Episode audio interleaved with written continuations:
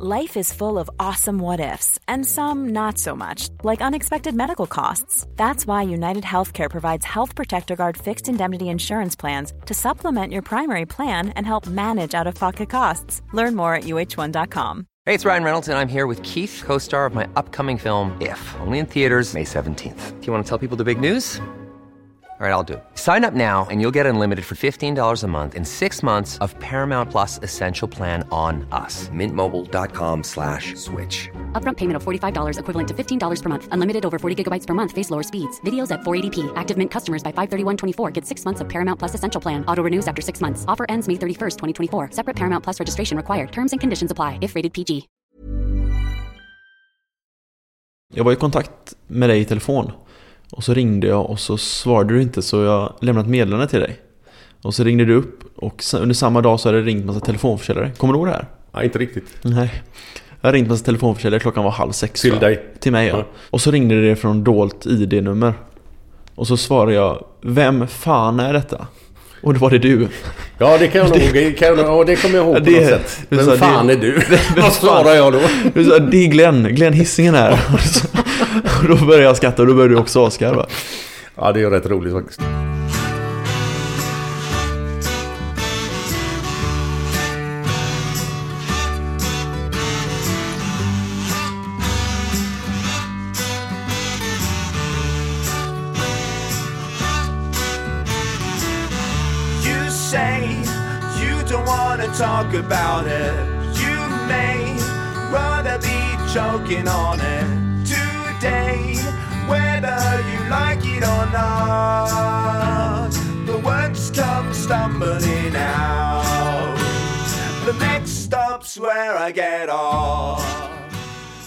Hej och välkomna till det 20 avsnittet av veckans samtal. Idag tillsammans med Glenn Hussein. Ja, Glenn är ju en legend inom svensk fotboll och har genom sin karriär bland annat titulerats med två Uefa-cupsguld, tre svenska mästartitlar, blivit engelsk mästare en gång och vunnit Guldbollen två gånger. Under hans karriär hann han bland annat med att spela i IFK Göteborg, PSV Eindhoven i Holland, Fiorentina i Italien och Liverpool i England innan han återvände tillbaka hem till Sverige. Mer om detta alldeles, alldeles strax. Podcasten är som vanligt sponsrad av klockvarumärket Carlex. Carlex skiljer sig lite gentemot andra klockor i och med att man kan se urverkets rörelse genom urtavlan. Carlex vill nu berätta att om du som veckans samtal-lyssnare beställer en klocka så får du 10% rabatt om du anger rabattkoden veckans samtal i ett ord alltså, när du köper en klocka. Så gå in och beställ en klocka vet jag. Hela deras kollektion hittar du på www.carlex.se och Carlex stavas alltså med K. Tack Carlex! Ni får inte glömma av att lyssna på sommaravsnitten tillsammans med Marcus Leifby och Christopher Linnell som sänds från och med den 10 juli och varje vecka hela juli och augusti ut. Där kommer det även att presenteras en liten tävling, men mer information om det lite längre fram.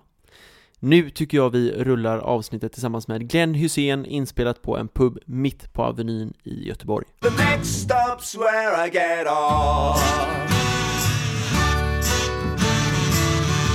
Sitter på Avenyn i Göteborg på John Scotts, en pub. Ja, det kan inte bli mycket bättre. Några, några minnen från Avenyn. Eh, väldigt många, framförallt i samband med stormatcher och sånt med IFK Göteborg. Eh, framförallt efter man har vunnit någonting så var det mycket här ute.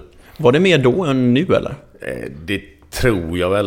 Att, eh, jag tror att killarna sköt sig lite bättre idag än vad vi gjorde. För vi, vi kunde ju gå ut efter matcherna och ha lite kul. Tillsammans med supporterna också då eller? Ja, ja, fan, det hände ju. Absolut. Är det sant? Ja, ja, ja. ja. Vad hände då då? Eller? Ja, men typ om man firar någon, något guld på Opalen eller någonting. Då kom ju supportrar in där liksom. De var ju inte med på själva middagen men de, de kunde vara där innan. De stod och tog en bira och tjatade lite. Men det är ju fint ju, det är ju riktigt supporterskap på något sätt. Jo, men det är ju, man, man får ju... Man får ju mer kontakt med gubbarna som står på, sitter på läktaren. Istället för att bara de kommer och ser matcherna och sen eventuellt ser någon träning. För man lär ju känna folk på ett annat sätt om man träffar dem privat. Och jag tror att det är bra. Kanske ännu bättre är det ju när det går dåligt för laget. Att man kanske kan ha en, ett snack med supportrarna någon, någon gång i månaden eller sådär. Det ska inte vara någon jävla utfrågning men...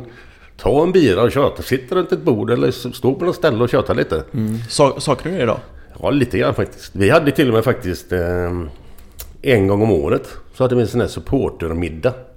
Där supportklubben arrangerar, där spelarna kommer dit.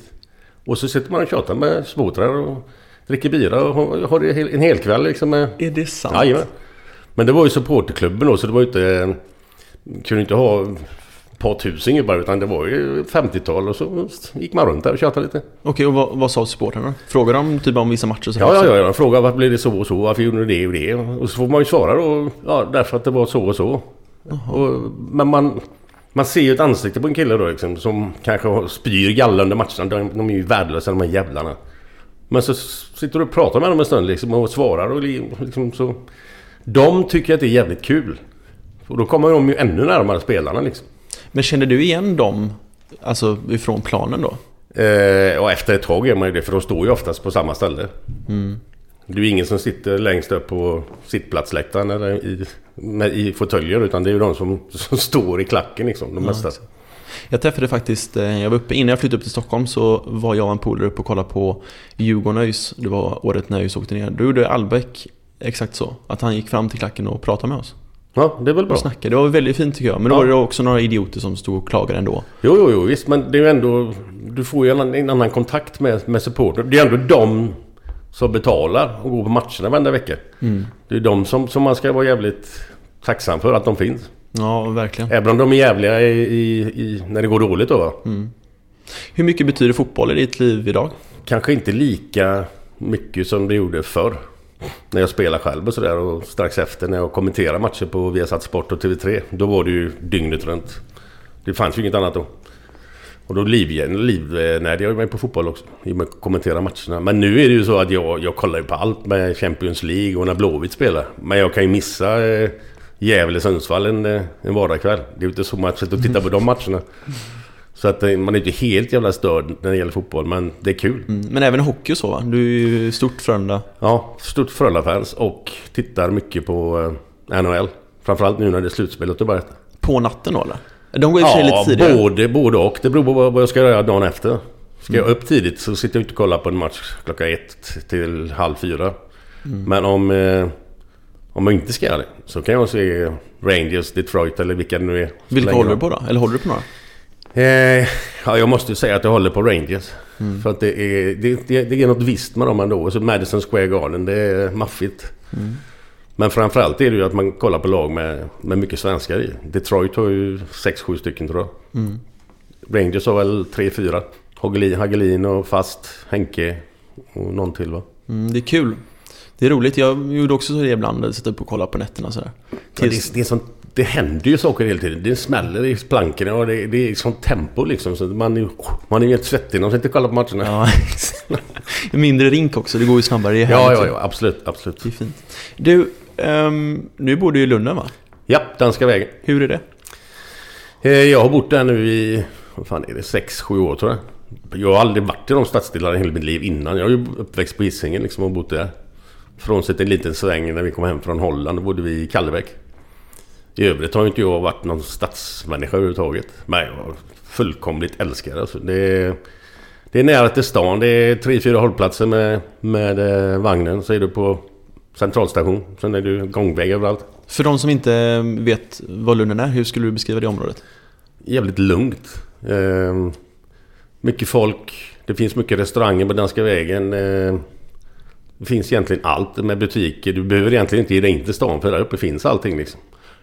Eh, och jag ska erkänna att jag är inte i stan och jag är ingen shoppingmänniska. Så att eh, jag behöver egentligen inte stan. Sen är det kul att, gå ut någon gång, någon gång emellanåt så men...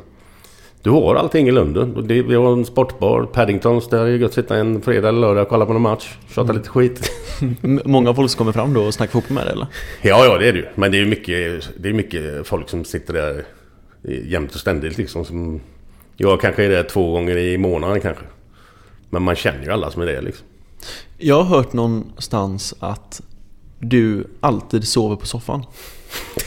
Ja, det, Stämmer det det? stämmer ja. Men det, alltså, det har ju varit en period nu med... När jag, när jag skilde mig för fem år sedan. Så flyttade jag ju till den här lägenheten. Och det är ju bara 200 meter liksom från där vi bodde innan. Eh, men då bodde vi på 154 kvadrat och då var vi fem stycken. Till att gå ner på, vad är det, 60 kvadrat kanske. Så jag är ju tvårummare då. Så jag har ju legat på soffan och så som jag säger, kollat på någon hockeymatch på kvällen. Då ligger man och halvsover till, till matchen och så stänger man av och så somnar i soffan och så har det bara blivit nu då. Sen är, är, är det här att ja, Anton flyttade till USA. Han har ju bott i USA i tio månader. När han kom tillbaka så eh, hade han ju ingen lägenhet. Så då bodde han ju hos mig i... Ja, jag vet inte, jag kommer inte ihåg hur länge. Ett, ett år kanske. Och sen fick han lägenhet. Så flyttade han ut. Då separerade min syster från sin man. Ja, de inte- var inte gifta men... Och då fick hon ingen lägenhet direkt. Så då bodde hon hemma hos mig i en halv månad. Fullt hus. Att, och sen när hon flyttade ut, nu fick en ny lägenhet också i London. Då fick ju Anton flytta ut sin lägenhet för det var ett andrahandskontrakt. Så nu bor han hos mig igen. Okej. Så nu bor han här tills han får en ny lägenhet. Så det är typ ett sånt här härberge. Välkomna till Hotell Inn Hysén. Så Och om, jag, då, då ligger de i sängen och så ligger jag i soffan liksom. okej. så om det är någon som har en lägenhet till Anton så hör av er. Ja för fan, det är absolut. Det är jättebra. Han söker med lykta och överallt. I Göteborg eller? Ja, absolut. Han vill också bo här. Ja, och gärna i de områdena som, som, eh, som vi har snackat om här i Lunden och nere vid odlingsplatsen där. Men det är väl mycket gröna områden där också? I Lunden ja. Ja, ja. Det är ju nära till Skatus. Det finns ju parker och grejer där uppe så det är hur bra som helst. Det ligger ju uppe på en kulle så man kan stå där och kolla ner på Ja. Nya och Gamla Ullevi. Jajamän. Går du fem minuter från där jag bor så går du upp på högsta punkten liksom. Då ser du ju rätt över hela stan alltså. Du ser ju bort till Majorna, Älvsborgsbron och allting.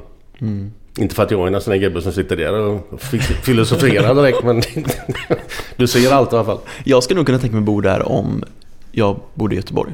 Ja, ja, det, alltså jag kan inte säga något negativt med det där för det, det är lugnt och stilla. Det, det är liksom ingen jävla gangsterkvarter. Det händer inte någonting direkt sånt där. Du hör knappt ambulanser eller, eller polisbilar eller alltså, någonting. Och så är det jävligt nära stan ändå. Hur ofta är du inne i stan då? Jag kan inte säga att jag är där varje vecka. Det inte. Men någon gång i månaden, två, tre gånger kanske. Eller något sånt där. Två gånger i månaden. För att, bara, om man nu ska möta någon som är då här eller om man ska göra något annat. Jag är ju aldrig inne och handlar och shoppar och grejer. Det gör jag en dag om året. Det är på dagen innan julafton. Då slänger jag ut allt. Nu kan jag hoppa in i hundra affärer och så ner och sätta sig och ta en bira på, ja, på någon god pub efteråt. Ja. Stressa igenom shoppandet och så ner och ta en bira. Ja, gött det låter. Ja, ja, ja. Men du är från Hisingen i alla fall. Jajamän. Hur var det att växa upp eh, på Hisingen? Det var faktiskt eh, riktigt bra. Eh, lugnt och stilla liksom. Vi växte upp på ett ställe som heter Kyrkbyn. Det ligger Sälfjordsplan, Ekteatern. Nedanför Biskopsgården precis. Och då var det ju hur lugnt som helst där uppe i Biskopsgården. Det hände ju ingenting liksom. Det var ju kolugnt. Och alla man kände ju väldigt mycket folk som bodde där uppe. Som var med i i Varta i fotboll och handboll. Så att jag, jag har ju varit idrottsidiot hela mitt liv. Spelat handboll och fotboll och... Hade du några andra intressen? Nej, det gick ju. Det var ju varje kväll egentligen. Fotbollsträning och handbollsträning. Sen har jag testat lite bordtennis och sådär men det var inte min grej riktigt. Men, ehm, men, men det var ju så, man åkte ju upp och så lekte eller... Ja, på den när man var så pass liten. Man åkte upp till kompisar i Biskopsgården. Det var ju inga problem. Det hände ju ingenting där uppe. Det var ju så kolugnt. Men som det är nu är ju inget kul alltså.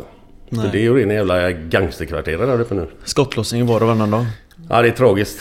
Man blir ju bara så jävla störd och ledsen på det hela. Är du där någon gång nu? Typ och kika lite?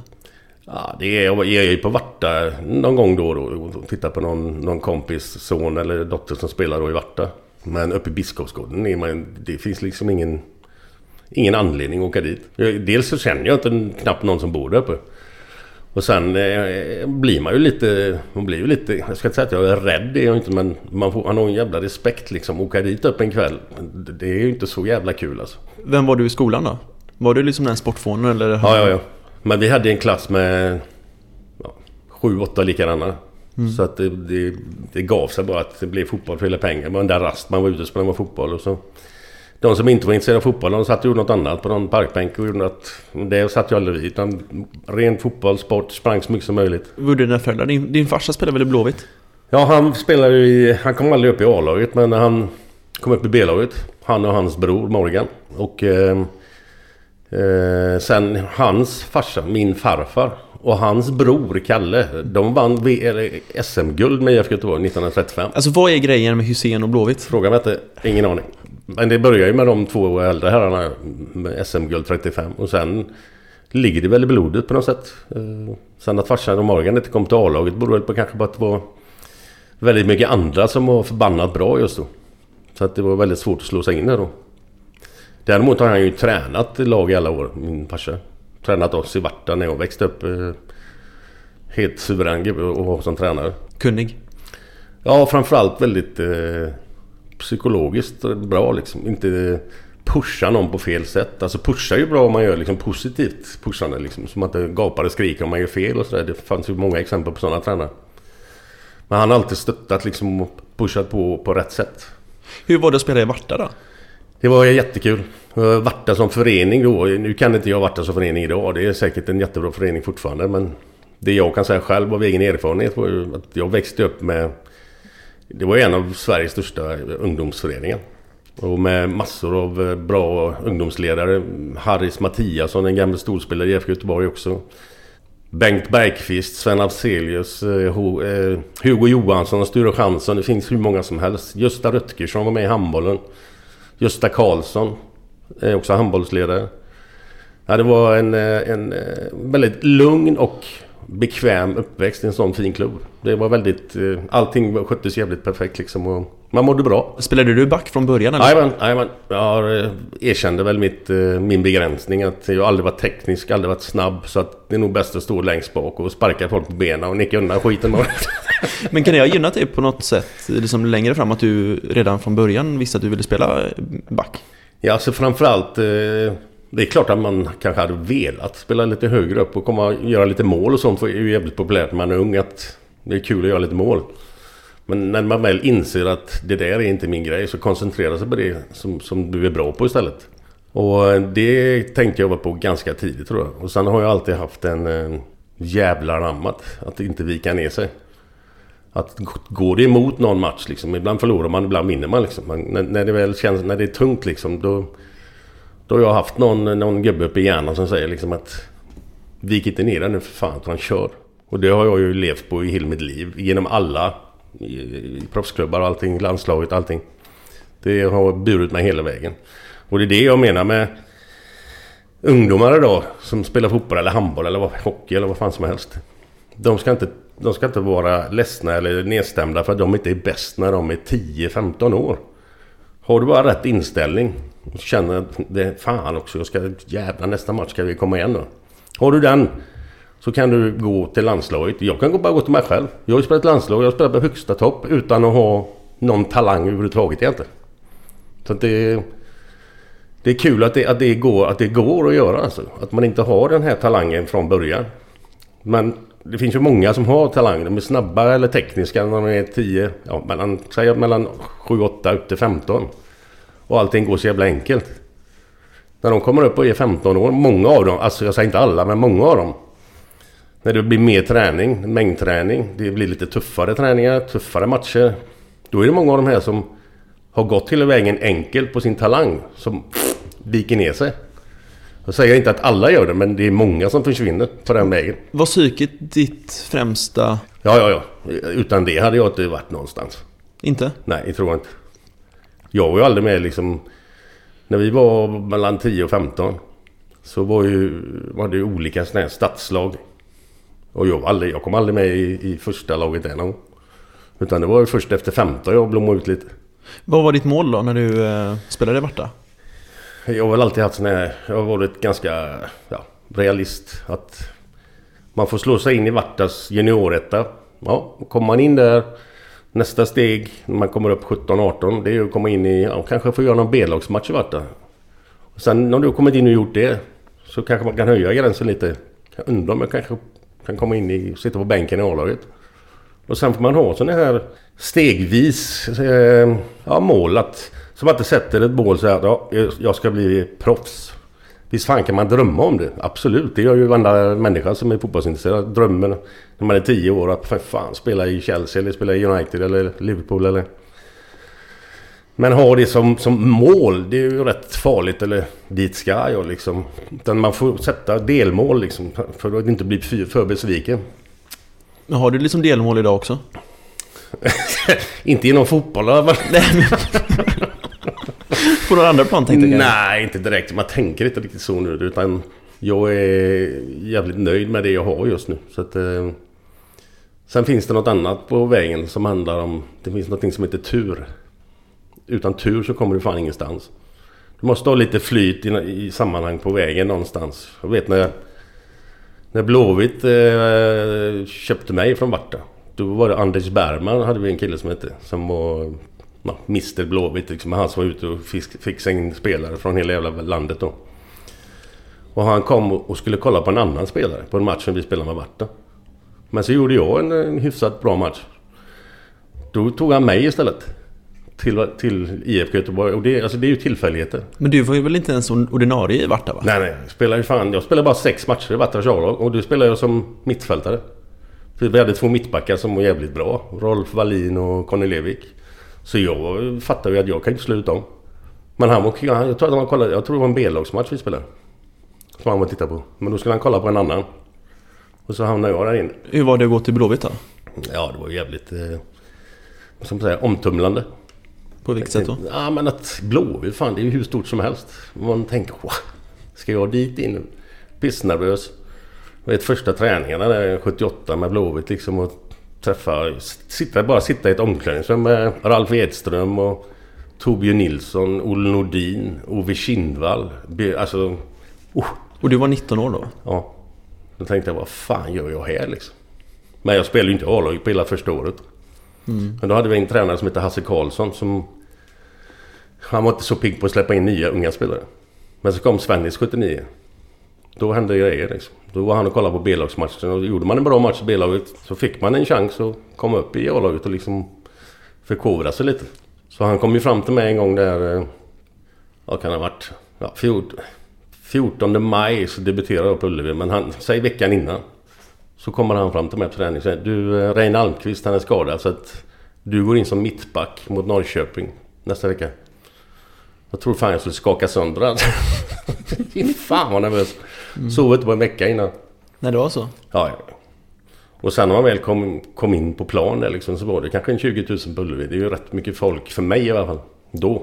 Det, då är man ju skitnervös. Och jag, jag var ju nervös när vi började också. Så tog det ju 35 sekunder. Så fällde jag ju en kille i Norrköping som heter Janne Svensson. Straff för Norrköping. Jävligt bra början. 1-0 till Norrköping efter 35 sekunder. Jag tänkte ju bara, fan försvinn härifrån. Men så kom Conny Karlsson fram som lagkapten då, mittbackskollega. Och sa liksom att, äh, en klapp på axeln sa han, fan. Bit ihop nu, sa han, fan det kan, inte- kan inte bli sämre nu så kör på för fan bara. Och då, då, då tänkte jag, fan vad gött, vilken jävla kommentar alltså. Bit ihop bara. Och det, det jag har sagt tidigare. Att jag hade den jäveln, bit ihop, okej. Sen gick det ju bara uppåt efter det. När blev du ordinarie då? Ja, det blev jag ju mer eller mindre efter den. Men jag tror att Reine kom tillbaka några matcher, sen blev han skadad igen. Och sen kom jag in och sen var jag inne från ja, mitten på 79 till, till jag gick ut till PSV då, 83. Och innan det, eller 83, då fick du Guldbollen också va? 83 fick jag eh, guldboll. Efter SM-finalen mot eh, Öster. Hur stort var det för dig?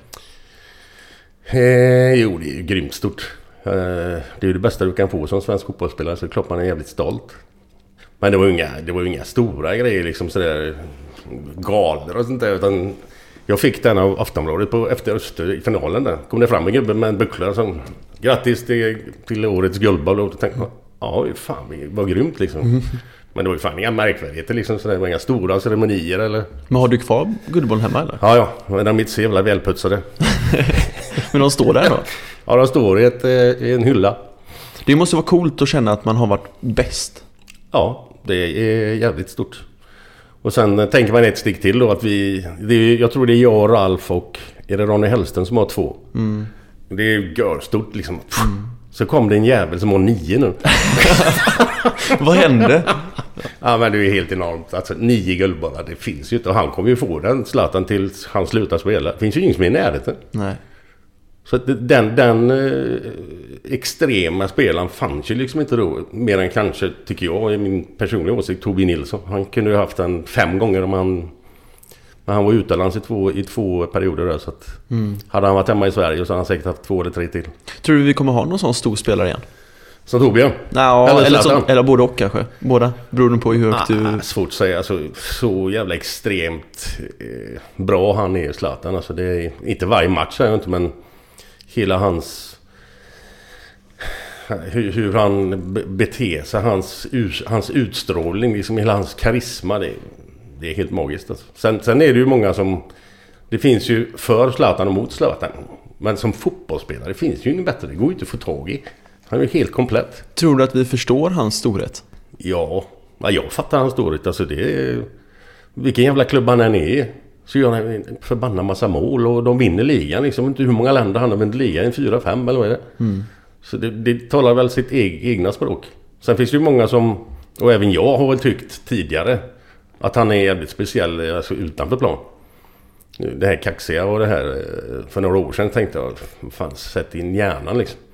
Men han har ju växt till sig han också. Så han är ju, idag är han ju, sen när man får sina spel som han har haft nu de sista veckorna. Men det tycker jag väl kanske är lite konstigt. Han är över 30 år. Så behöver man ju inte be hela Frankrike dra åt helvete liksom. Jag träffade en kille i, eh, i LA som var eh, fransman. Ja. Så sa jag att eh, Zlatan says he has a shitty country. Och så sa han Well, he's not totally wrong, sa han. Ja, han sa det.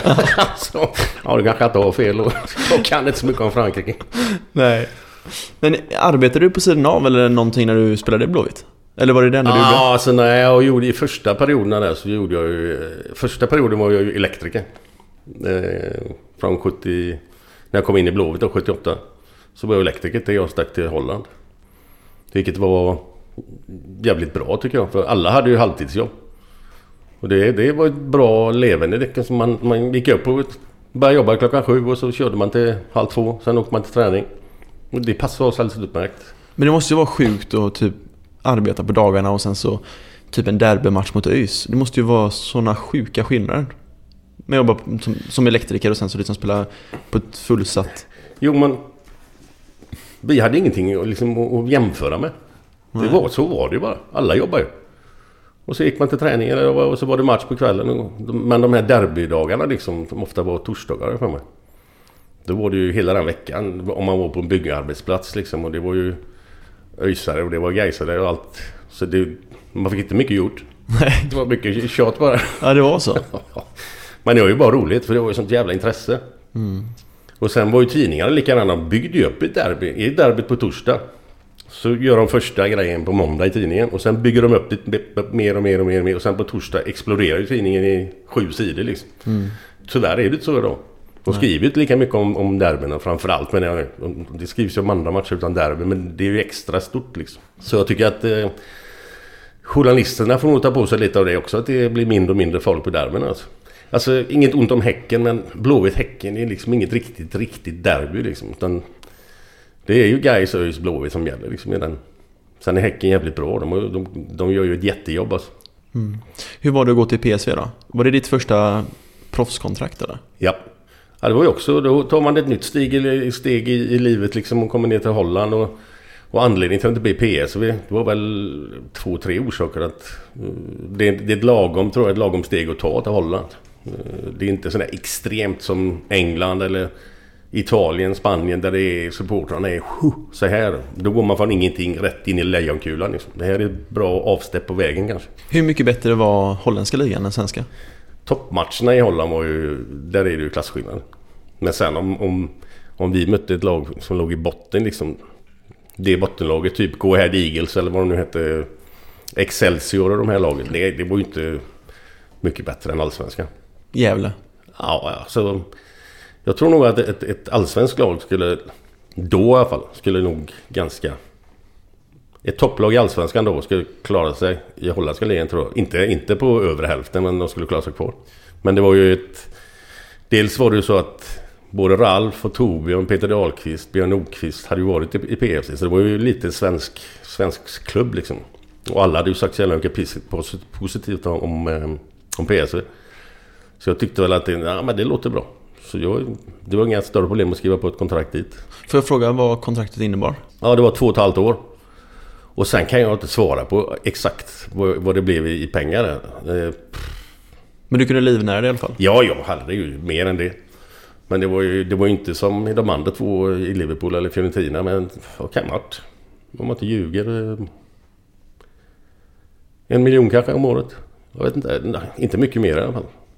Men det är betydligt mer än man känner här. Så att, eh, men sen var det ju svårt med språk och sånt där när man kom dit. Det blir ju lite... förväxlingar, konstigheter liksom. Vet, morsan och farsan var nere. Så uh, han heter ju Kurt. Och Kurt på göteborgska. Hallå Kurt, hur är det Kurt? och uh, C-U-T på holländska betyder fitta. Så vi går på gågatan mitt i. För jag och morsan och farsan. Och så går han typ 10 meter framför. Då. Så går vi arm i arm, jag och morsan. Och han har ju pengarna på sig naturligtvis då. Så hittar hon någon blomma, eller blomma, eh, någon klänning eller om det var en hatt eller någonting i något fönster. Så ropar hon på honom då. Kött! Kött! Och folk tittar liksom fullsatt gågata. Ja. Aj, aj, aj. 50-årig kärring går upp och fittar mitt på stan. Fan är de utsläppta eller? det blir lite fel då. Ja. Hur gick det för dig då? Alltså kunde du snacka någonting? Eh, ja, ja, när jag, när jag flyttade därifrån så kunde jag ju hyfsat, inte, inte helt flytande men ganska bra. Problemet var ju bara att vi hade en norrman och en, två danskar som spelade i, i, i PC samtidigt. Eh, Jan Heinze och Halva Thoresen och Kenneth Brylle. Så vi umgicks ju mycket och då blev det ju bara svenskar liksom. Det är bättre om man inte hade haft dem på ett sätt. Det var ju skitkul med dem alltså, fantastiska människor. Men hade inte de varit där så hade man ju varit piskad att lära sig ännu fortare liksom. Mm. Men du undvek ordet Kurt? Ja, framförallt Kurt. Ja, det är roligt ju. Ja, men det, alltså, det, nu när man tänker tillbaka så är det skitkul. Men då var det inte så jävla roligt. Nej. Blev du stoppad på gatan och sådär när du gick runt eller? Normalt menar du så här, eller? Nej, nej. Det var om vi gick några stycken och kanske på stan någon, någon lördag eller sådär. Då kan det bli lite stopp sådär. Men inte, inte, nej, inte själv. Hur gick det rent fotbollsmässigt för dig? Alltså grejen var ju den att jag kommer ju ner och ska spela mittback då. Och de köper mig som mittback. Och jag spelade mittback kanske max 10 matcher första säsongen. Och sen flyttade de upp mig på mitten. Och då ville han då, tränaren Jan Reker, att jag skulle liksom komma i den här andra vågen. De här två som var på topp, Halvar och uh, Juri Koloff hette. De var bra målskyttar, gjorde mycket mål. Men de var ju ganska små. Så det var inte mycket nickmål och så. Och då ville han, Reker då, att när vi kom runt på kanterna så skulle jag komma i en andra våg liksom typ straffpunkten där och så kunde jag dunka dit några där kanske. Och jag är ju en jävligt stor målskytt. Men i alla fall, det gick ju faktiskt ganska hyfsat. Jag tror jag gjorde 14 mål på två säsonger. Det är, inte, Oj. så- det är inte så jävla illa ändå? Nej, det är ju väldigt bra som mittback, det får man ändå säga. Ja, ja, men då spelar jag på mitten. Du spelar mitten Ja. då? Och, ändå, och sen efter ett tag, efter ja, andra året, en bit in, eller ja, kanske, ja, andra året kan man säga, eller andra säsongen. Så hamnade jag till slut som forward. För han tyckte att fan, du är bra på huvudet. Där uppe ska du vara. Och jag då bakvänd liksom med ryggen mot deras mål. Och vad, vad, vad ska jag göra här för någonting? Jag var ju helt borta. Men så gjorde jag ändå två eller tre baljor där på några matcher. Så då fick jag vara kvar där uppe. Men det, jag visste ju att det här håller ju inte hela tiden. Det kommer ju gå åt helvete förr eller senare. Och det gjorde det ju. Då hamnade jag på bänken som dålig forward. Då tänkte jag liksom, vad fan. Vad gör jag här liksom? Det här är ju inte rätt. Det gör ju inte mig rättvis. Så jag satt väl på bänken ett tag där för att jag var dålig forward då. Och sen så tog jag upp det med dem att jag kan lika gärna flytta hem eller någon annanstans. För att det, det här är ju meningslöst. Och så gick de ju med på det. Så jag flyttade hem eh, ja, kanske fyra månader någonting innan kontraktet gick ut. Hur kändes det för dig att liksom flytta tillbaka? Alltså, litet misslyckande är det ju naturligtvis. Men återigen, då kommer den här jäveln upp i huvudet igen. Då fan, du har ju testat. Det är bara att gå tillbaka. Vill de ha dig tillbaka så gå dit och så bygga upp det. Och det var ju precis jag, så jag måste göra. Så jag började från grunden igen och kom tillbaka. Men jag fick ju rätt in i, i lejonkulan mycket. För att eh, det var ju kvartsfinal i, i eh, SM då. Och då hade de ju slutspel Just det. på den tiden. Så jag kommer inte ihåg om vi mötte... Ja, jag kommer inte ihåg vilka vi mötte i kvartsfinal och semi. AIK och Malmö tror jag eller sånt där. Så vi gick ju till final och fick möta ÖIS 85 i finalen. Och då, jag var ju inte speciellt bra, eller inte alls bra alls. Utan eh, vi förlorade ju första matchen där på Ullevi med 4-2. Och sen vann vi den andra. Det var ju samma vecka, liksom två matcher. Men vi vann 3-2 andra matchen. Men i och med att de gjorde 4-2 första så vann de ju på ett mål bättre. Mm. Så blir de mästare och då är, då är det ju det är en förlust. I och för sig en final. Det är inte alla som går till final. Men då fick man återigen eh, kriga sig till. Året efter så fick man ju kriga som fan den vintern. Liksom, bygga upp det. För fan spela enkelt. Utan kom tillbaka till grunderna bara. Och det, det funkar ju rätt bra för eh, 86 sen så gick vi till semifinal i Europacupen. Hur högt upp rankar du det i, i din eh, karriär? Just den semifinalen. Mm. Alltså, Den även, första liksom. även om inte vi vann men möta Barcelona i en semifinal i Europacupen. Och slå dem med 3-0 på Ullevi. Liksom spela ut dem fullständigt. Det kunde bli ett 6-0. Den matchen är väl historisk? Ja, det, det, det måste jag säga. Och det är jävligt kul att ha kunnat vara, fick äran att vara med i en sån match. Vilka spelade i Barcelona då? Eh, Bernt Schuster, en som heter... eh, eh, vad heter han nu? En engelsman från Tottenham. En ljushårig, långhårig. Det här var ju innan min tid. Ja, så. och så har du, hade du Viktor, hette en på mitten som var landslagsspelare. Eh, Alessanko, mittback som landslagsspelare. Subesareta, målvakten. Som är någon sportchef nu i Barcelona. Och så hade de en som heter Carlos Alberto, en vänsterback. Alltså de hade riktigt bra spelare. Fast det är ju ingen som vet vilka de är idag. Om man inte är jävligt intresserad då. Men det var ju topplag i Europa då också. Och vi sopade dit dem med, med 3-0. Och sen eh, är det ju två, två eh, veckor mellan varje match. Så det går ju någon vecka där så är vi uppe på Kamratgården och tränar. Så har Tommy Holmgren sin son där uppe, Daniel. Han var väl en eh, 4-5 år då kanske, något sånt där. Och han hade haft vattenkoppor och var där uppe. Det hade inte jag haft. Just det. 26 år. Mm. Så ett par dagar innan vi ska åka till Barcelona så får jag typ 40 graders feber och börjar klia överallt. Det är ju jävligt smart. Mm. Och så fick jag vattenkoppor. Så jag kunde inte spela den matchen ännu.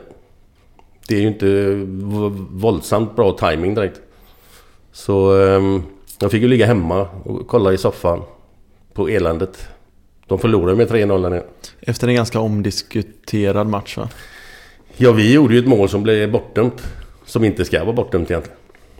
Och deras spelare rusade ju ner till linjedomaren där då. Och eh, för ett jävla väsen.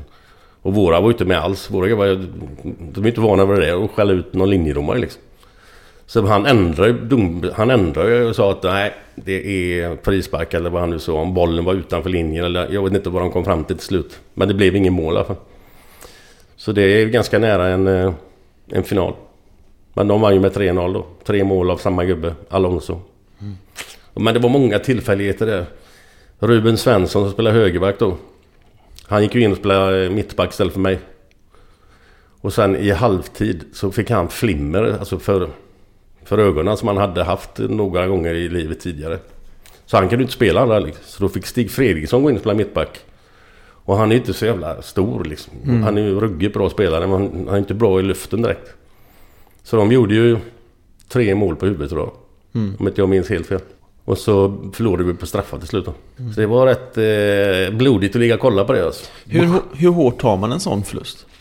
Ja, men när man väl är där, även om, de, man får ta, det är ju sådana proportioner liksom att möta Barcelona borta. Det är klart att de, den matchen förlorade, men vi var ju så... Vi hade ändå spelat upp oss i Europa liksom, vunnit Uefa-cupen 82. Och liksom ändå ett hyfsat eh, känt lag i Europa liksom. Så man, vi har ju varit med om de här matcherna lite grann under, under 80-talet där i början. Så att... Eh, då, just då kände man liksom, fan förlora den här jävla matchen. Men om man får lite perspektiv på det så är det ju... Bara spela en sån match är ju enormt stor. Ja, liksom. Sen om du torskar den matchen med 3-0 där nere, det, det gör man ju liksom. Men på det sättet som vi gjorde det på straffar då. Och det var ju två eh, som missade där nere då. Det var ju Roland Nilsson och eh, Per Edmund Mort, norrman. Så att, eh, nej det var tråkigt. Sen en annan kul grej som hände där i samband med straffarna var ju att Tor Holmgren hade ju fått gå ut i förlängningen tror jag. Sträckning i vad eller i eh, ljumsken. Så han satt ju i omklädningsrummet. Och blir omplåstrad. Och då kommer Torbjörn Nilsson ner i omklädningsrummet. Och Toran undrar vad fan gör du här? Nej jag ska inte ta någon straff. Ja men snälla, tänk om alla, tänk om alla måste slå en straff då? Tänk om det går så långt så att alla måste ta en straff. Då kan inte du sitta här för fan. Nej, då har du rätt. så han fick sticka upp igen. Nu gick det inte så långt så att alla fick slå en straff men... Nej men ro, roligt. Ja, ja, ja, ja. Men han, han var, han hade väl inte det psyket riktigt Torbjörn i det, i det läget då. Men Nej. det här är han ju så jävla less på att höra så att... Mm. Ja, Men, men det, är ändå, det är ändå kul grej när man har det på, ja, på distans här. Då, då kan man skämta om det liksom. Såklart. Men hade ni Svenny som tränare då också? Där hade han gått Nej, då? då har han gått. Eh, vi hade Gunde Bengtsson. Mm. Och så tror jag att det var Kjell Pettersson som var andra tränare.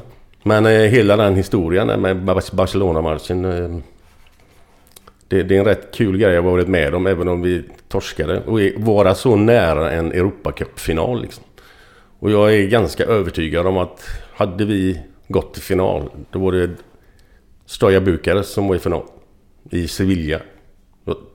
Det är, det är ju lätt att säga nu men jag tror fan men vi hade vunnit det alltså. Hur ofta tänker du på det? Nej, jag ligger ju inte och grubblar på det på nätterna direkt.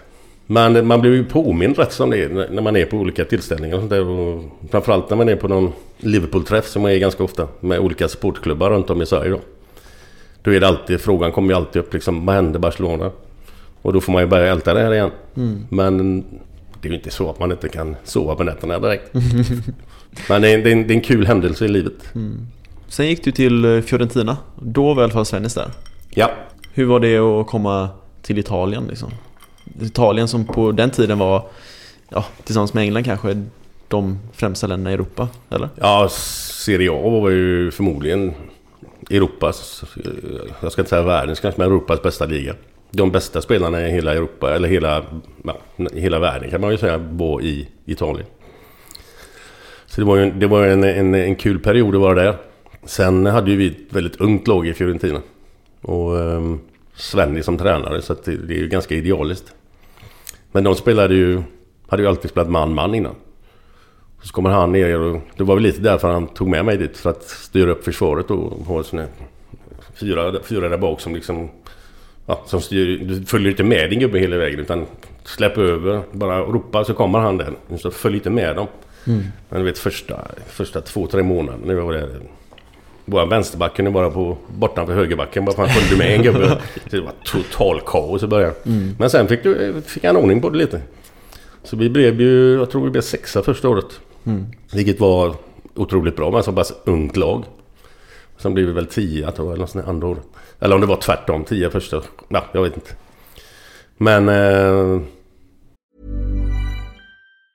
When you're ready to pop the question, the last thing you want to do is second guess the ring. At Bluenile.com, you can design a one of a kind ring with the ease and convenience of shopping online. Choose your diamond and setting. When you find the one, you'll get it delivered right to your door. Go to Bluenile.com and use promo code LISTEN to get $50 off your purchase of $500 or more. That's code LISTEN at Bluenile.com for $50 off your purchase. Bluenile.com code LISTEN. There's never been a faster or easier way to start your weight loss journey than with PlushCare. PlushCare accepts most insurance plans and gives you online access to board-certified physicians who can prescribe FDA-approved weight loss medications like Wigovi and Zepbound for those who qualify. Take charge of your health and speak with a board-certified physician about a weight loss plan that's right for you. Get started today at plushcare.com slash weight loss. That's plushcare.com slash weight loss. plushcare.com slash weight loss. Millions of people have lost weight with personalized plans from Noom, like Evan, who can't stand salads and still lost 50 pounds. Salads, generally, for most people, are the easy button, right? For me, that wasn't an option. I never really was a salad guy. That's just not who I am. But Noom worked for me. Get your personalized plan today at Noom.com. Real Noom user compensated to provide their story. In four weeks, the typical Noom user can expect to lose one to two pounds per week. Individual results may vary. Det är rätt kul att spela med gubbar som... Eh, en sån ung kille, han var väl 18 år då, tror jag. Roberto Baggio. Eh, som senare blev en världsspelare. Och då, han var ju bra redan då. En riktigt storstjärna i Fiorentina. Andra säsongen kom eh, Dunga dit, Carlos Dunga. En hyfsat spelare också. Ja, minns Så det var, det var en kul tid. Jag har hört en historia om att du någon gång när du kom dit fejkades fotskada. Gick ut i omklädningsrummet och klippte sönder allas kalsonger. Ja det stämmer men det, det, det kan man ju tycka är världens jävla idiotgrej idag men... Jag där- tycker för det är ganska jo, kul. Jo men sånt där höll vi på med i Blåvitt på den tiden. Det var- är sådana här stenåldersskämt liksom men då var det kul tyckte vi då. Men det- stämmer att du gjorde det, exakt som du sa. Och sen kommer gubbarna in då och helt jävla vansinniga. Jag tänkte tål inte ett skämt, era jävla fjantar. Kan ni bara... Måste ni vara så jävla allvarliga jämt? Det var ju bara det att i Göteborg då så var det ju eh, 10 pack sådana här vita tubsockar från BUV som kostade 25 spänn.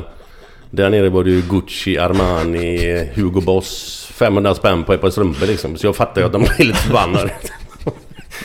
Men jag tyckte ändå det var rätt, rätt kul så. Men sen hade vi en lagkapten som hette Renzo Contratto. Sån där perfektionist. Han stod och fönade håret innan varje match. Oj! Den, alltså den dumme jäveln, första nickduellen så står ju håret åt alla jävla håll. Jag fattar inte hur man tänker liksom. Nej. Så vi tänkte vi, vi måste göra någonting. Han hade köpt en ny Merca också. Okej. Vi får hitta på något här alltså. Så, så vi, eh, jag och en kille till då, en av de få som vågar göra någonting, något skämt någon gång. För de är jävligt allvarliga allihop. Vågar ju knappt fisa i omklädningsrummet. Så vi gick och köpte två, eh, två eh, konservburkar med rött, rutten fisk. Och stack ett hål med en nål så här. Så la de under förarsätet på hans nya Merca.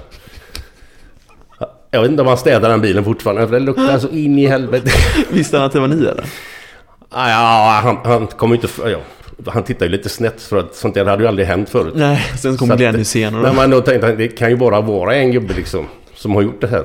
Men jag fick ju inget. Jag hade ju hoppats på att få någon skit tillbaka. Ja, exakt. Det är det man alltså, när man gör skämt och sånt där. Så vill man ju liksom att kom, kom igen, gör någonting till, mot mig nu så får skratta lite. Ja. Det händer ju fan ingenting. Men hur viktigt tycker du att det är liksom att man har en liten eh, sån härlig jargong i ett lag? Man skämtar med varandra om man liksom... Alltså i grund och botten måste du vara, om du ska vinna saker och ting så måste du vara bra fotbollsspelare. Det är inget snack om det. Absolut. Men för att kunna höja sig ytterligare ett, kanske litet snäpp till. Så, så, så vill man ju liksom...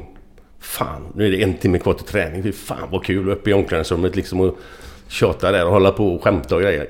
Och sen vet man ju att sen ska man ut och köra samma pass som alltid. Då är det plocka ut hjärnan, häng där på galgen och så ut och kör. Och sen vet du att fan efter träning kommer du in igen, in med hjärnan. Och så skämtar du till igen liksom. Det är det som, som, som var Blåvitts framgång. I grund och botten som man säger så det är bra fotbollsspelare, naturligtvis. Men det där höjde oss ytterligare ett snäpp. Hur viktigt tror du att det är i storklubbarna idag?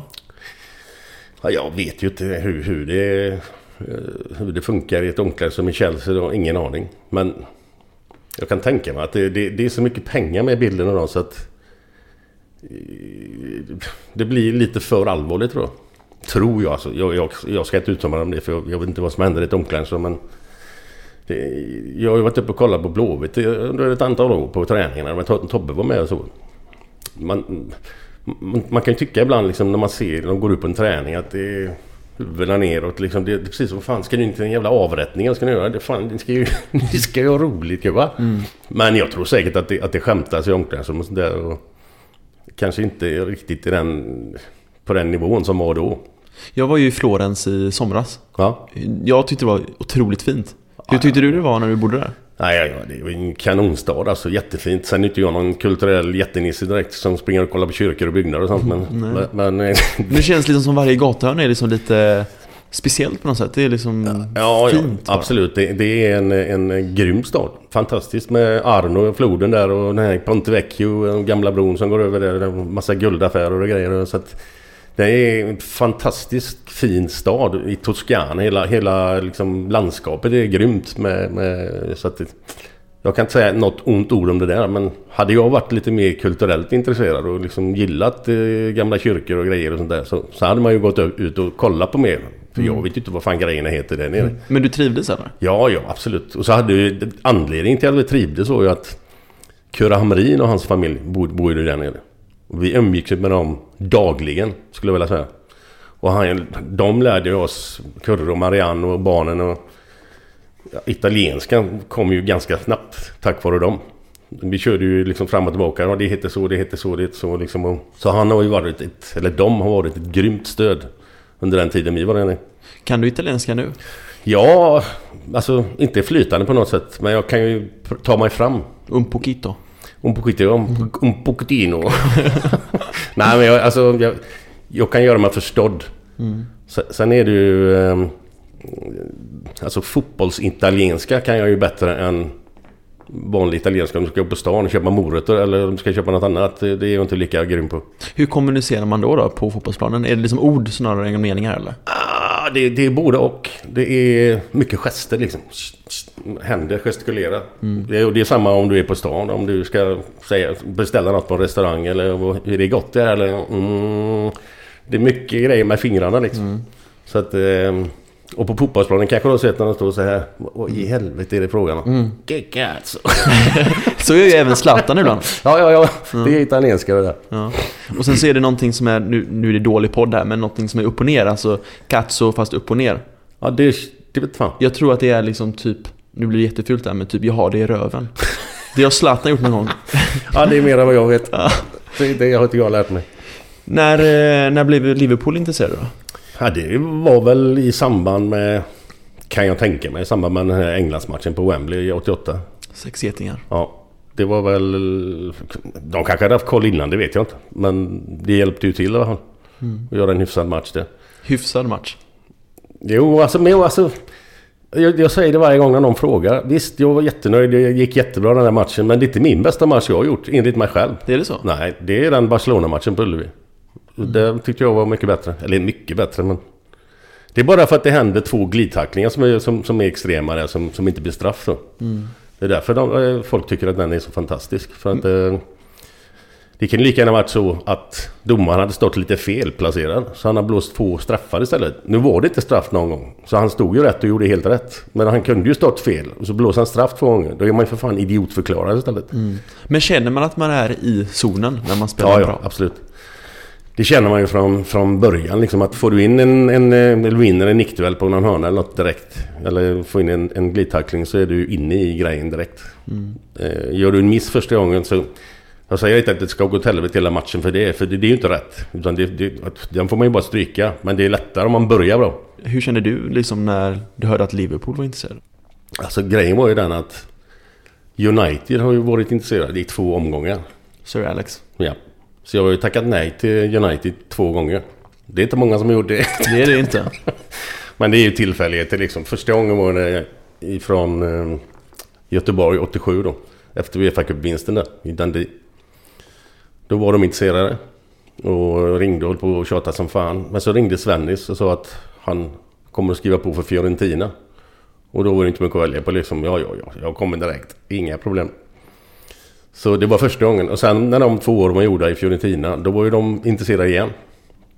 Och då eh, var jag över i, i eh, Manchester. Träffade Ferguson, Martin Edwards som är en av direktörerna. En som heter John Smith. Eh, så de tre... Eller förlåt, eh, inte John Smith. Eh, Brian Robson.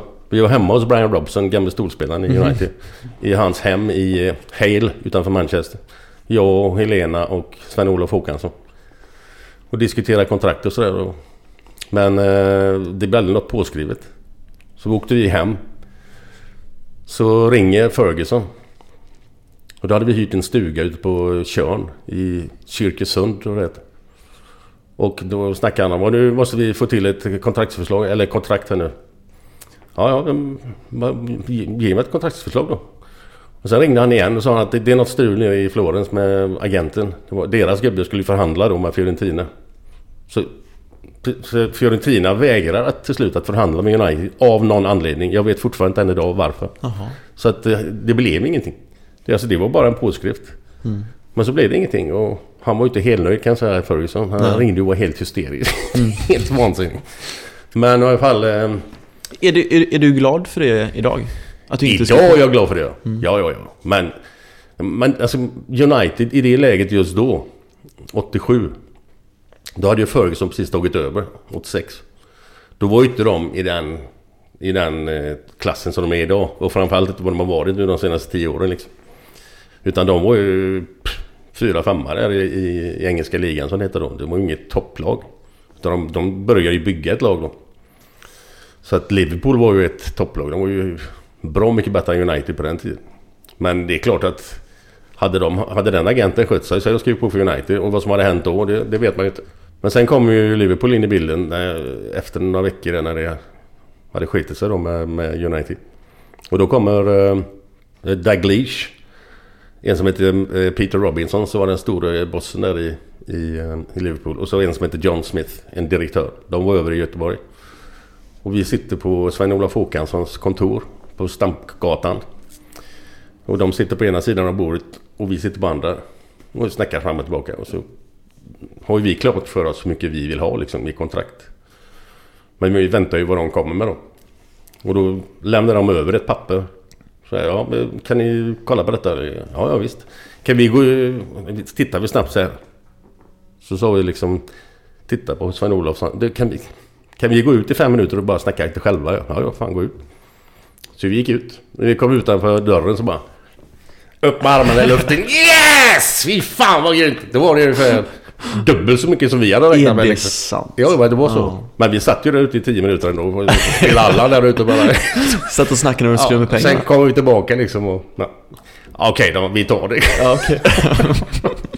vad, vad känner man då om jag får fråga? Ja, vad kan det ha varit? Tre, tre och en halv miljon. Om året netto. Det var, vi tyckte det var grymma pengar. Det är ju ingenting idag. Man ska inte förringa pengar men alltså 3,5 miljoner är mycket pengar idag men inte i fotbollssammanhang. Så det var eh, guld. Guld. Vi, vi var så nöjda så det var helt sjukt. Hur var det att komma till Liverpool då? Det var eh, mycket, mycket, mycket roligt kan man säga. Direkt. Jag vet första, första träningen jag kom in till, eh, till Anfield och skulle gå in i omklädningsrummet så kom Steve McMahon ut. Inte McMahon men Steve. McMahon. Mm. Kom ut och hälsade. Hallå, my name is Steve. Kom, kom in här sa han. Så kom jag in i ett fullsatt omklädningsrum då. Och där satt jag och gubbarna. Och så gick han fram till Gary Gillespie, en skotte som var mittback. Så sa han eh, till mig då. Du, den här gubben som sitter där nu. Bara för du har kommit hit nu så får inte han spela. Det är bara så du vet det. Tänkte, fan det här, det här känns bra. Det är skämt direkt liksom. Ja, exakt. Det här kan bara gå bra, det går inte annars. Det är mer dig kanske? Vad sa du? Det är mer dig Ja, kanske? ja, nej, jag kände direkt, fy fan. Och sen blev ju vi bästisar. Både Gary Gillespie och Steve McMahon och Barry Wenders. Alla var ju vänner, men vi bodde ju uppe på samma ställe. Sju, åtta gubbar. Då blir det ju att man umgicks jävligt mer med dem, än med de som bodde på andra sidan Liverpool. Så det var ju Steve McMahon, Gary Gillespie, Peter Beardsley, Barry Wenderson, eh, Alan Hansen och själv eh, eh, Daglish bodde ju också där uppe. Var det här din topp tycker du? Ja, Alltså, absolut. Alltså ihop med Blåvitt. Alltså, det var kul i Fiorentina, det var kul i, i, eh, i eh, PSV. Men det följer väl hand i hand framgång och hur kul man har liksom. Blåvitt var ju mycket framgång. Liverpool vann väl ligan första vi gjorde, första året. Och liksom åka omkring i en double-decker i Liverpool.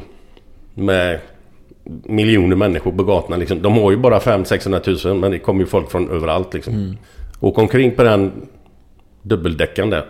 Med en champagne där och en buckla i andra näven alltså. Det, det slår det mesta alltså. Fy fan. Ruggigt. Hur var det liksom utanför fotbollsplanen i Liverpool då? Ja, vi, som sagt, vi bodde ju på ett ställe, de här gubbarna som räknade upp där. Det var ju en halvtimme utanför Liverpool. Eh, som heter Southport, en förort. Som låg precis mitt emellan Liverpool och Blackpool. Efter kusten. Kanonställe, skitfint. Mycket... Eh, vad ska jag säga? Ja, en del i alla fall. Rika människor som hade liksom fått pension och bor där uppe lugnt och stilla liksom. Så vi, just där i Southport var inte intresset sådär så de var på på gatorna så här. För hade du bott inne i Liverpool så hade det varit hel, varenda, hela jävla dagen. Så det var ju tur att vi bodde där så man kom ifrån det lite. Så vi hade alla problem med liksom hur den gick. Nu gick det ju jävligt bra oftast men... Att man fick kommentarer på gatan och sådär. Det var ju väldigt sällan. Så eh, vi, hade, vi bodde hur bra som helst. Och sen lärde vi känna folk uppe i Liverpool som inte var fo- inom fotboll utan lärde sig... Att man kände... att Man kommer in i livet även utanför fotbollen liksom. Så man får andra vänner, inte bara fotboll hela tiden. Hur viktigt är det?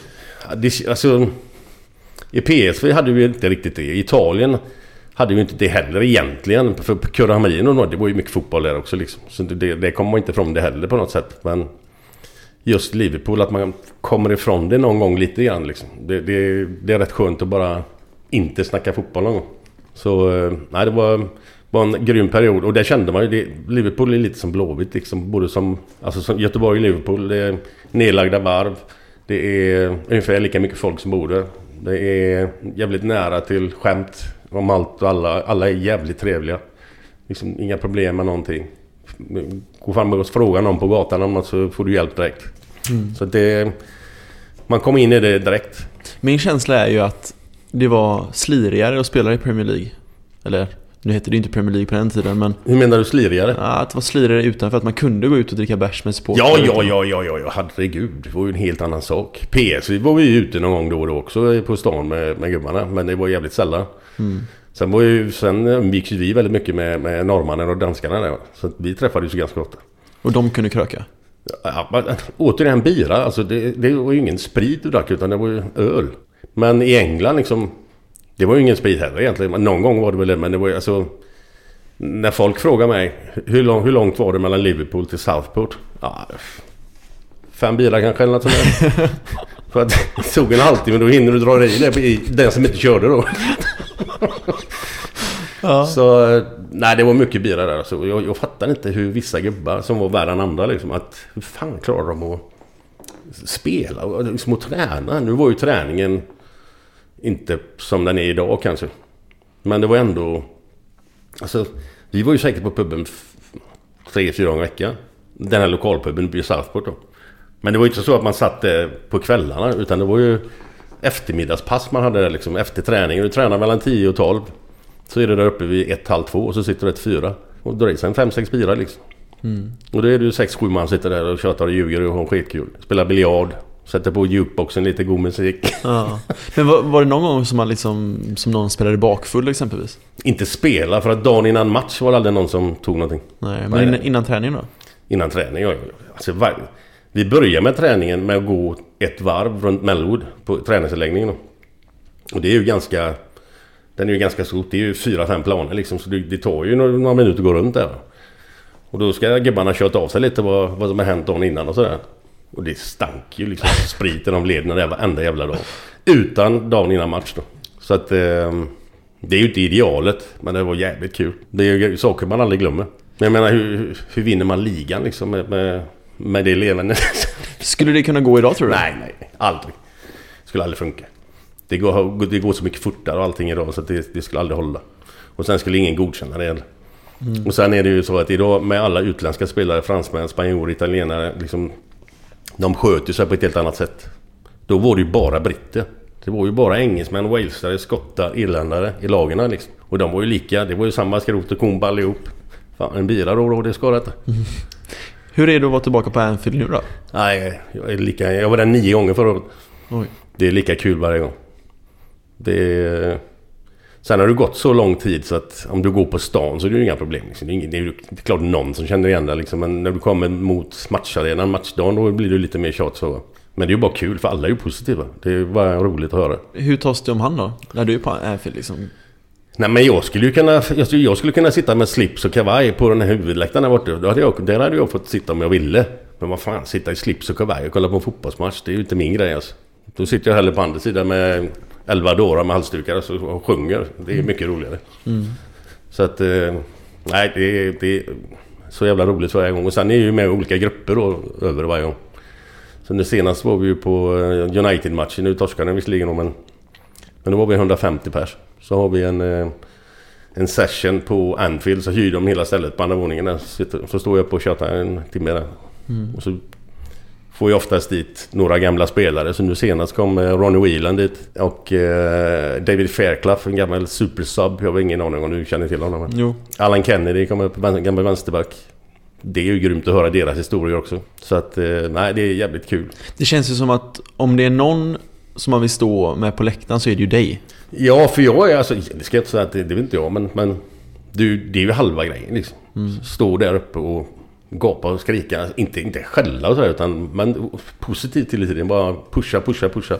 Nu har man ju inte haft eh, så mycket att pusha. Det, man har ju inte vunnit ligan så många gånger på ett tag nu, men... Nära förra året. Ja, fy fan vad nära. Vi var där och kollade på matchen. Och så typiskt att han ska halka också då. Mm. Det är så tråkigt. Men det är ju ditt... Nej, vad var ditt lag? Nej, det var inte. Chelsea. Ja, det var det ju. Ja. Ja, nej, det är det är som det är. Men hur, hur mycket betyder Liverpool i ditt liv nu? Ja, väldigt mycket. Alltså för att jag, som jag sa, jag var över nio gånger förra året. Och sen eh, är jag ju på olika ställen i Sverige. Och ser Liverpool-matcher ihop med mellan 50 och 150 pers. På, som Liverpool Swedish eh, branch heter det. Svenska supportklubben har ju en träff i syd i Malmö eller en träff uppe i Stockholm eller en träff i Norrland eller... Så nu ska jag till, eh, till Linköping på, på lördag. Och det är QPR eller om det var West Brom. Och sen nästa lördag så är det Enköping. Och då är det antingen Queens Park eller West Brom där också. Så det är de två matcherna. Hur kul är det att åka runt så och träffa supportrar? Skitkul. Och det alltså det... Det som är roligt är att det är det är ju samma skrot och kon som jag själv. Jag kan ju leva mig in i det där. Alltså att jag kan vara som vilken jävla idiot som helst som sitter där. Det kan lika gärna vara jag. Och eh, sen ger det ju ganska mycket också rent... eh, Om han säger, Bosse sitter där och säger Kan inte du komma till Västerås och göra det här? Jo för fan, bara, bara datumen funkar. Så, så åker jag ju dit och så gör det där. Så det blir liksom ringar på vattnet som... Fan, jag lever ju på sånt. Du känns som en person som inte stressar upp dig så mycket för saker och ting. Nej, aldrig. Jag, det finns ingen anledning att lägga energi på saker och ting som du inte kan göra någonting åt. Vad fan, en del får åldersnoja. Vad, vad fan ska man på det för? Så länge de inte uppfinner ett piller som gör att man blir yngre så kan... Det är ingen mening att lägga energi på det. Är du stressad någon gång? Nej. Alltså nej, alltså, det, jag ska inte vara kaxig på något sätt utan... Nej. Jag har ruggigt mycket att göra. Jag har aldrig haft så mycket att göra i hela mitt liv som jag har nu. Men du kan bara göra en sak i sänder liksom. Jag kan inte vara på två ställen samtidigt. Så jag stressar inte upp mig för det där utan... Ja, 11 är jag där och sen fyra kan jag ta nästa och det är inga problem. Det är ju ingen stress emellan det liksom. Har du alltid varit sån? Nej, nej det ska jag inte säga. För att när jag gick i skolan, grundskolan.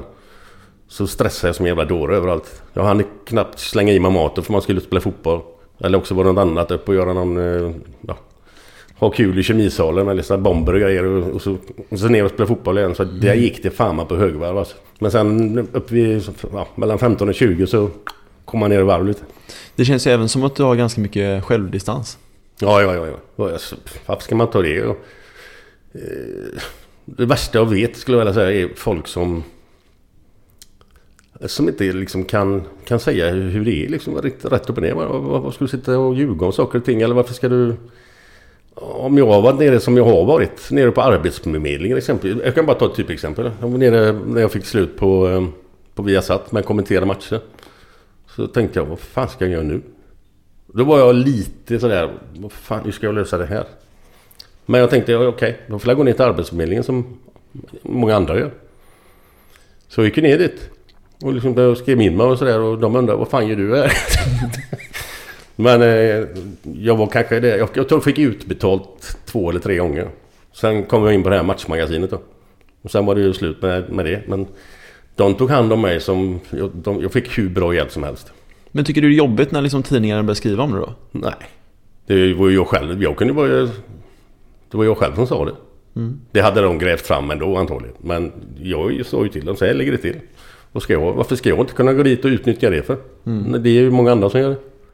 Så att... Eh, det är bara vara en nat- naturlig grej för mig. Och allt sånt där... Eh, jag, jag, jag säger ibland saker som man inte ska säga. Det kan jag ju säga liksom direkt. Att det, det vräker ur mig en del grodor ibland som man inte kanske skulle sagt i vissa sammanhang. Men jag kan inte hjälpa det. Jag, jag bryr mig inte om jag är med kungligheter eller om det är utliggare. Det, jag behandlar alla på samma sätt. Tror du att det är därför som du är så intressant för tidningarna? Det skrivs ju om dig hela tiden. Nu bara i morse så såg jag att det stod en artikel på Aftonbladet om dig. Vad var det igår då? Eller nu? Eh, nej, det stod, det var den här plustjänsten om eh, ditt liv, om eh, kärleksliv och... ja, vi kan nästan ta fram, nej det orkar vi inte men... Ja, men, men grejen är ju den att alltså, under alla år då det har skrivits i tidningar så är det aldrig, jag vet inte, kanske en gång som någon har skrivit något som inte, som jag reagerar över, fan, jävla idiot typ. Men det är en gång på alla år, för de skriver ju aldrig någon skit eller något elakt. Så att jag, det finns ju ingen anledning att reagera liksom. Och, och oftast är det jag själv som har sagt det. Så att eh, det är ju ingen som liksom hittar på någonting taget rätt ur någon gång liksom. Hur ofta ringer tidningarna dig då? Ja, varje dag. Ja, det är så? Ja. Det är inte så kaxigt på något sätt. Men jag, jag svarar ju inte varje dag. Liksom. Det går inte. Vad frågar de då? då? Ja, det är olika om det har hänt någonting där. Men den här sista tiden har varit extremt. Alltså med trisslotter och grejer. Och separation. Eller separation, vi bodde ju allihop. Och fan var det mer? Det var någon grej till. eh, Ja, Mästarnas Mästare. Så... vad det- Men kan du bli trött på det? Eh, nej, jag blir inte trött på det. När det ringer ett hela tiden då kan man ju bli lite trött. Men då kan man bara stänga av. Liksom sänk ner ljudet bara. Så du hör du inte det. Sen får du kolla när det är 15 sms så kan du svara dem du känner för. så det, det, det är upp till dig själv. Det finns ingen anledning att stressa upp sig liksom. Men du tycker ändå det är helt okej när de skriver om saker och ting som är sant liksom? Ja. För oftast som sagt så är det jag som har sagt det och svarat på frågor liksom. Det är ingenting som de tar ur luften bara. Händer det att du säger saker och ting som du är medveten om ska landa på ett speciellt sätt? Nej, inte, inte, jag är inte medveten just då. Att, för det, var, det är bara någonting som jag vräker ur mig. Liksom. Som, det var en grej med efter trissvinsten. Att ah, fan, nu ska jag ut och festa. Nu ska jag bränna den. Inte alla pengarna. Men nu ska vi ut och ha skitkul här. Va? Det blir sprit för alltihop. Sa jag ju i någon tidning.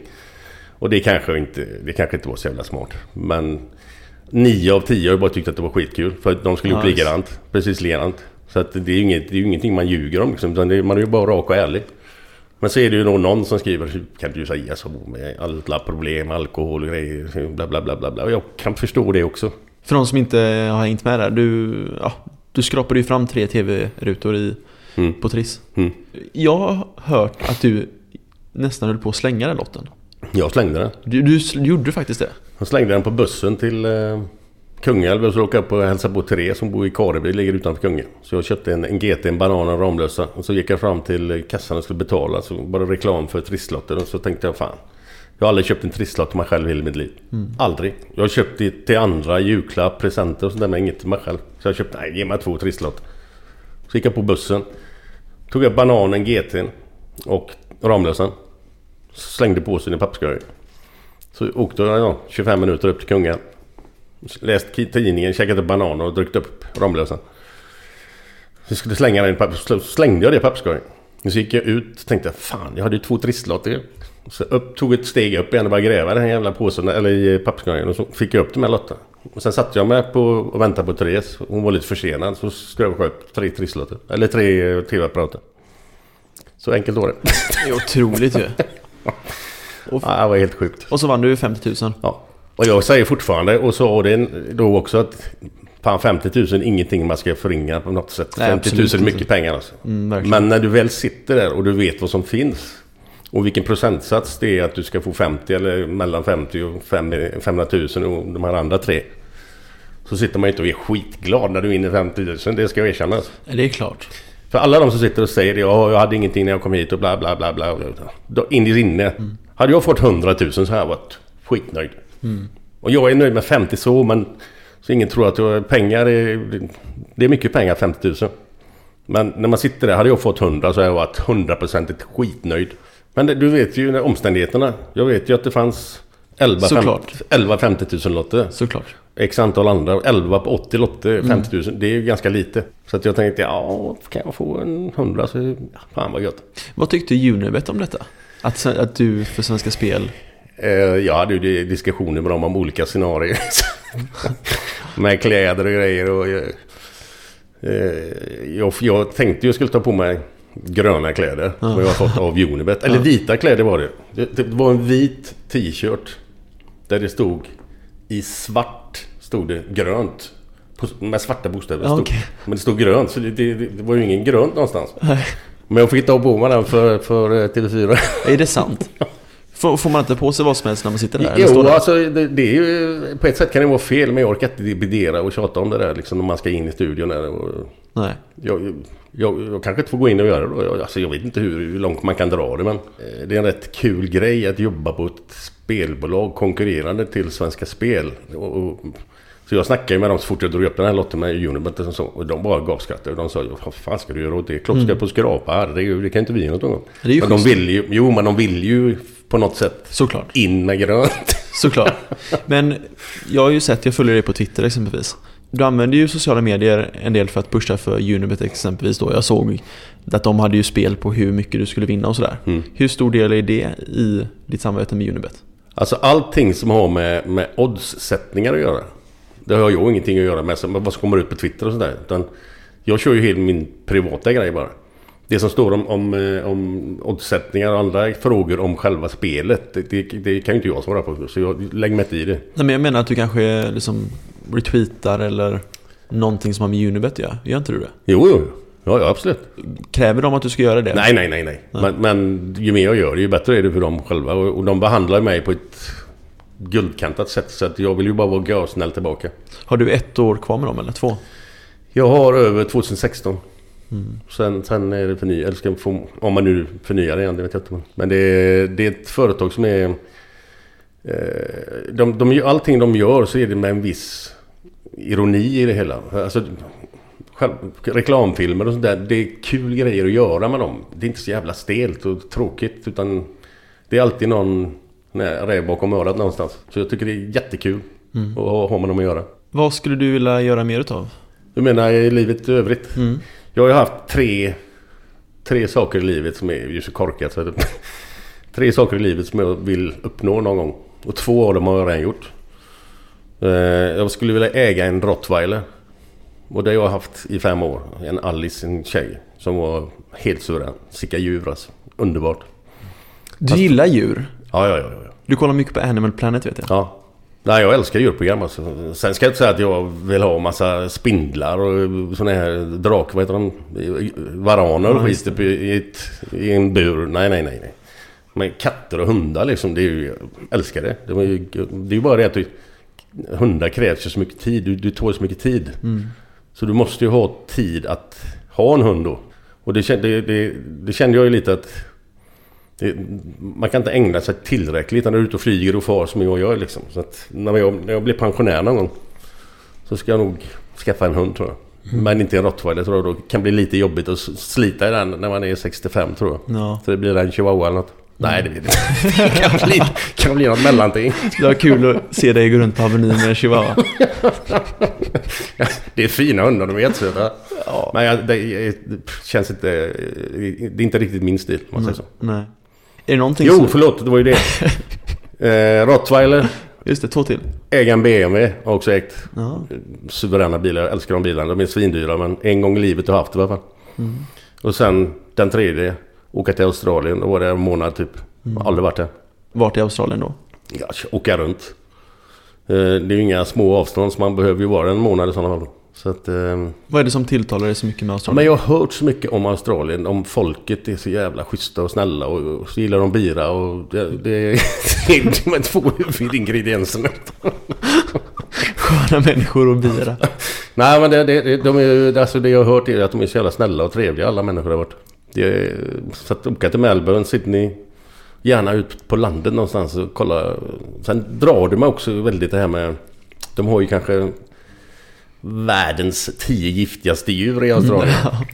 Jag ska inte fram och kela med dem men jag skulle gärna vilja se dem på närmare håll. Ja, alltså exakt. inte ute kanske i naturen då men se dem så oh, där är fan en vithaj alltså. Där är en spindel som... Ett stick av den så är du väck. Ja, exakt. Ja, det är coolt. Är det någonting som vi inte har pratat om som du trodde att jag ville prata med dig om? Nej, det, nej, jag tror du skulle fråga om lite mer om... eh, Eller en del av det hela. Eh, Jag varit med i en hel del tv-program, eller ja, olika tv-program som Mm. är väldigt udda om man säger så. Kändishoppet? Mästarnas Ja. mästare? Ja, och så är man totalt oduglig på allting. Men det är jävligt roligt. Ja, men vi pratade om det i telefon. Fan, det är upplevelser ju. Ja, ja, ja. ja. Och jag, alltså jag, jag, jag tackar ju ja till saker som jag tycker verkar kul. Och sen... Men, alltså det här med dans, det är inget kul, tycker inte jag. För jag kan inte dansa. Men till slut så, så handlar det om ekonomi också. Mm. Och då kan man inte säga nej vissa gånger. Men som typ ett sånt kändishoppet. Det handlar inte om någon jävla ekonomi. Det handlar ju bara om vilken jävla grej. Det får jag aldrig göra i hela mitt liv någon gång en gång. Mm. Sjunga med Linda Bengtzing. Det kommer jag aldrig få göra i hela mitt liv en gång. Men det har jag gjort också. Jag- så Det är ju kul grejer. Mästarnas mästare liksom. Det är fantastiska grejer. Ja, men jag uppskattar det, om jag får säga det nu, men jag uppskattar det med dig att du gör det du tycker är kul. Jag Ja. tycker att det saknas lite med folk ibland. Att de inte vågar riktigt. Nej, så fort tvn är på så, eller kameran är på så blir en del jävligt stela liksom. Mm. Eller, men det har ju med erfarenhet att göra också. Att man, man, man, har man varit med ett tag så kan man ju slappna av liksom. Men, men göra någonting som, som verkar tråkigt. Sen, sen kan det ju bli så här att du tycker det är jättekul att spela in ett program. Men det kan ju bli totalpladask i tv alltså. Jag vet vi spelade in ett program för många år sedan som hette Jakten på ökenguldet heter det. Mm. Det var inspelat i Jordanien. Och då skulle man göra fem olika grenar i, ute i öknen. Åka på, ett, på en släde bakom en kamel och så knyta upp, vi var bunden vid fötterna.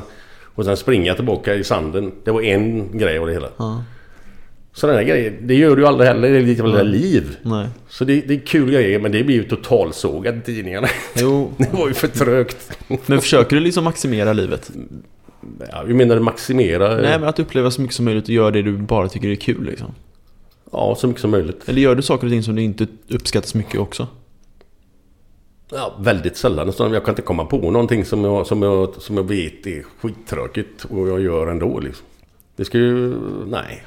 Jag kan inte påstå det. The next stop's where I get off. Jag var i kontakt med dig i telefon.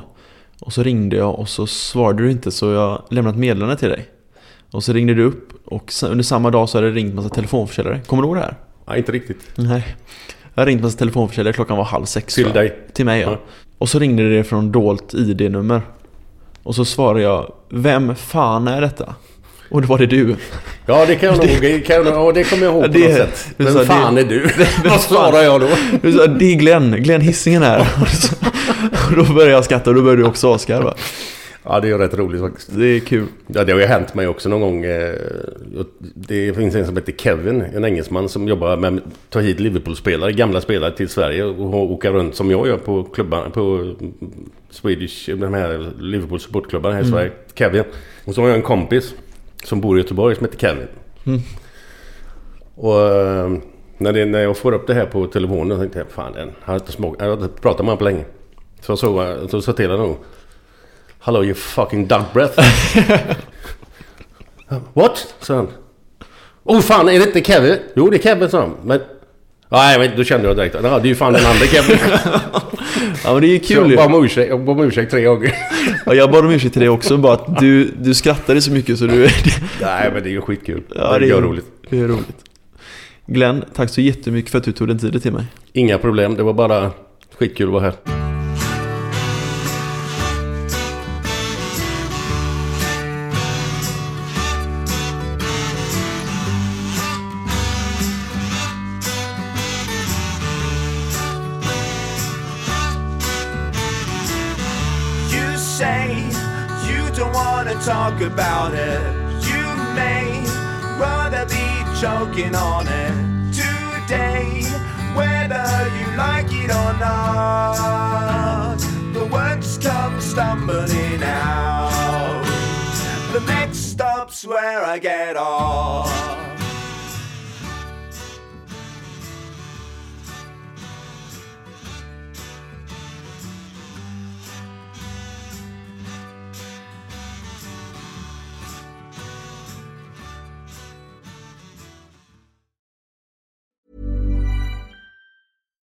Deserves the best, and there's no better place to shop for Mother's Day than Whole Foods Market. They're your destination for unbeatable savings, from premium gifts to show-stopping flowers and irresistible desserts. Start by saving 33% with Prime on all body care and candles. Then get a 15-stem bunch of tulips for just $9.99 each with Prime. Round out Mom's menu with festive rosé, irresistible berry chantilly cake, and more special treats. Come celebrate Mother's Day at Whole Foods Market. Hey, it's Paige DeSorbo from Giggly Squad. High quality fashion without the price tag. Say hello to Quince.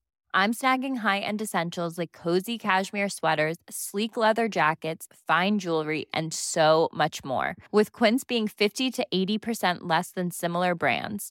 And they partner with factories that prioritize safe, ethical, and responsible manufacturing. I love that. Luxury quality within reach. Go to quince.com slash style to get free shipping and 365 day returns on your next order. Quince.com slash style.